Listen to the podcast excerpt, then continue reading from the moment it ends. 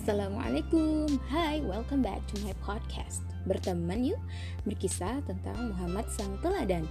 Yuk, yuk, yuk, yuk. Loh, kok ganti ya kepanjangannya? Nah, selama bulan Ramadan Berteman atau berbincang tentang perempuan Berganti menjadi berkisah tentang Muhammad Sang Teladan. Kenapa? Agar selama bulan Ramadan kita bisa lebih kenal dengan sosok Rasulullah teladan utama kita.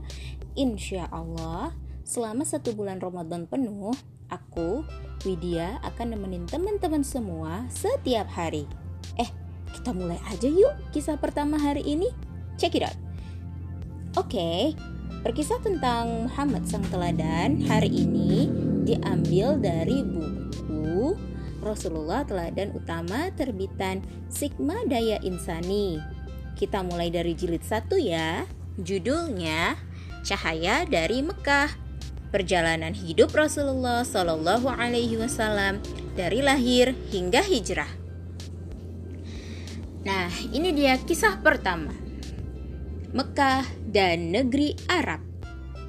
Uh, panas sekali Apakah masih ada yang memiliki air?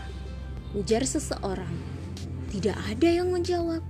Setiap orang sibuk menyeka keringat yang mengucur deras di keningnya. Apakah masih ada yang memiliki air? Orang itu mengulangi pertanyaannya. Dia tetap tidak mendapatkan jawaban.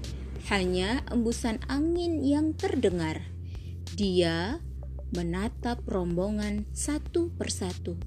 Tampaklah wajah-wajah yang lelah dan kehausan. Rupanya persediaan air telah habis. Orang itu segera melihat sekeliling, berharap menemukan sumber air. Itulah rombongan dari negeri Arab. Mereka sedang menempuh perjalanan jauh untuk berdagang. Gurun pasir yang luas dan panas harus dilalui mereka. Negeri Arab terletak di benua Asia bagian barat. Sejak dahulu, daerah ini sudah diberi nama Arab, yang berarti gurun Sahara. Ia dinamai seperti itu karena tanahnya kering dan tandus. Jazirah Arab ini berbatasan dengan Laut Merah dan anak jazina, Jazirah Saina di sebelah barat. Di sebelah timurnya terletak Teluk Arab dan Irak bagian selatan. Laut Arab membentang di selatan. Di utara berbatasan dengan Syam dan sebagian Irak. Luas negeri Arab mencapai 1.300.000 mil kuadrat Wilayah Arab meliputi Hijaz, Nejd, Yamamah, Tihamah, Oman, dan Yaman. Hijaz adalah dataran tandus di antara dataran tinggi Nejd dan daerah pesisir Tihamah. Di Hijaz inilah terletak kota Taif serta kota suci Mekah dan Madinah wilayah Hijaz tidak pernah dijajah. Tidak ada yang mau menjajah wilayah tandus dan miskin. Wilayahnya juga dikelilingi dataran tinggi, setiap berada seperti berada di dalam benteng yang kukuh. Kota Mekah adalah jantungnya Hijaz. Letaknya sekitar 48 mil dari Laut Merah. Nama Mekah konon berasal dari bahasa Saba, yaitu Makuraba, yang artinya tempat suci. Mekah juga sejak dahulu menjadi tempat persinggahan kafilah dagang dari Yaman menuju Syam atau sebaliknya. Setiap tahun, tanggal 1 sampai 10 Zulhijjah di Mekah diadakan festival Ukaz. Saat itu, orang-orang dari berbagai tempat berkumpul untuk mengikuti lomba pidato dan membaca syair. Oleh karena itulah Mekah menjadi kota tempat pertukaran budaya, perdagangan, agama, dan seni. Mereka juga gemar sekali mengundi nasib dengan menggunakan anak panah. Mereka suka menanyakan rahasia masa depan kepada dukun dan tukang ramal atau kahin. Mereka percaya kepada ramalan bintang serta sesuatu yang bisa membawa dan menolak kesialan. Wah, anak panah yang keluar bertuliskan tidak. Kalau begitu, aku tidak boleh berangkat hari ini. Ujar seseorang setelah mengundi nasibnya menggunakan anak panah. Iya betul, kamu kalau kamu tetap berangkat, kamu akan celaka nanti ujar temannya yang menyaksikan pengundian itu. Masyarakat Arab sebenarnya percaya adanya Allah Subhanahu wa taala. Namun, banyak yang menempuh cara yang salah. Ada yang menyembah berhala, kuburan nenek moyang, matahari, bulan, serta pohon besar. Berhala itu diberi nama, ada yang bernama Hubal, Lata, Uza, dan Wud Jumlah berhala itu dari tahun ke tahun semakin banyak. Saat musim haji, berhala dibagikan kepada kabilah yang datang. Semakin tersebarlah penyembahan terhadap berhala. Ka'bah memiliki sejarah panjang.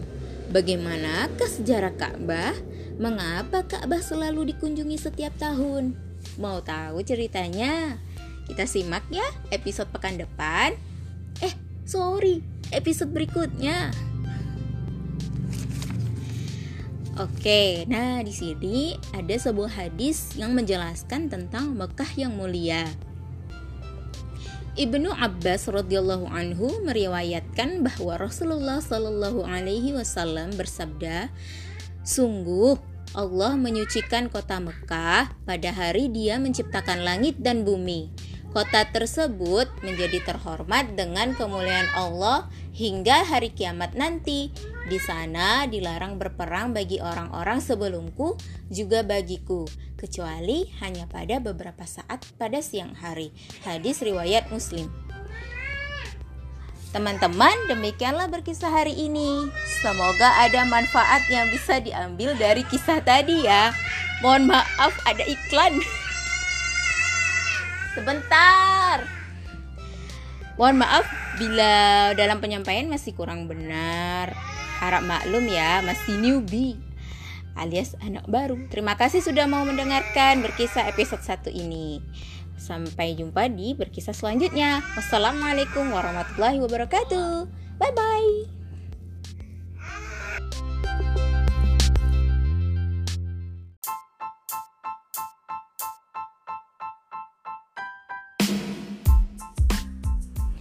Assalamualaikum Hey, welcome back to my podcast Berteman yuk berkisah tentang Muhammad Sang Teladan Yuk, ayo ayo ayo ayo Nah, hari ini kita akan bahas tentang lanjutan kisah dari Cahaya dari Mekah jilid, Buku jilid pertama dari Rasulullah Teladan Utama terbitan Sigma Daya Insani Nah, sekarang kita akan bacakan tentang Ka'bah dan masyarakat jahiliyah. Mau tahu kan? Yuk, kita simak sama-sama. Sejarah Ka'bah sangat panjang. Tempat ini sudah ada sejak masa Nabi Adam alaihi salam. Ka'bah merupakan tempat ibadah pertama yang dibangun untuk manusia. Hal ini seperti diceritakan Allah Subhanahu wa taala dalam surat Ali Imran ayat 96.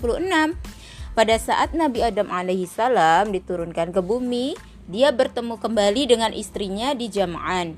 Lalu Allah Subhanahu wa taala mewahyukan kepada Nabi Adam alaihi salam untuk menuju suatu tempat. Tempat itu sejajar dengan arsy Allah. Nabi Adam alaihi salam diperintahkan untuk membangun rumah ibadah di sana. Lalu Nabi Adam alaihi salam tawaf dan salat.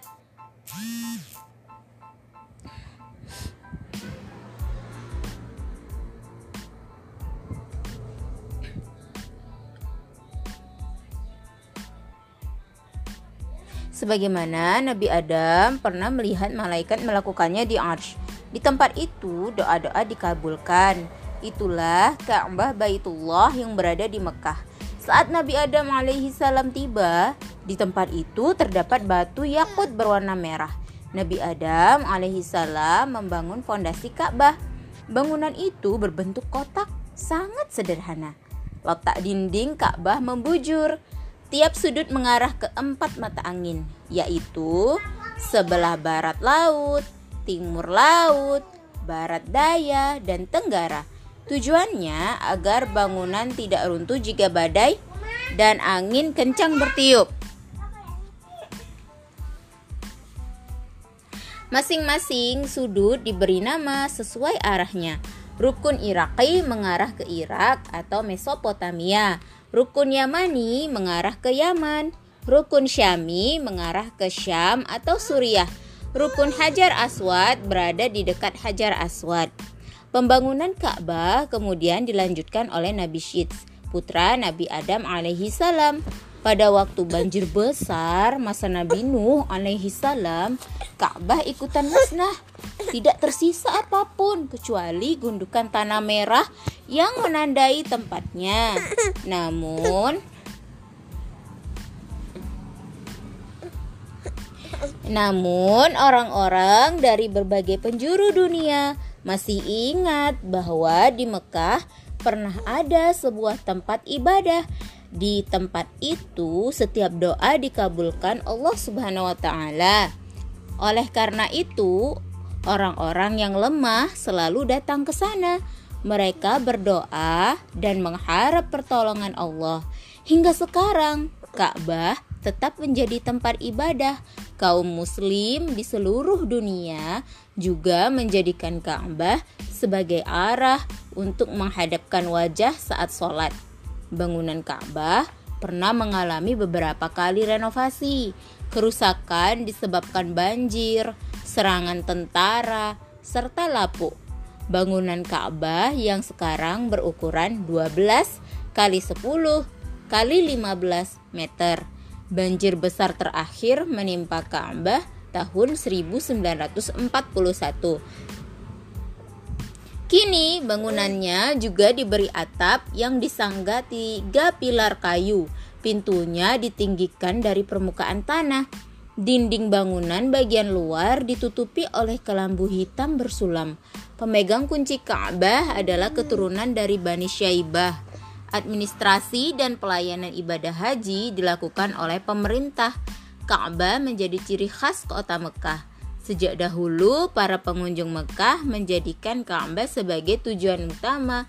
Mereka sholat, tawaf, dan berdoa di sana. Inilah yang menyebabkan Ka'bah selalu ramai oleh peziarah. Mekah menjadi negeri yang makmur.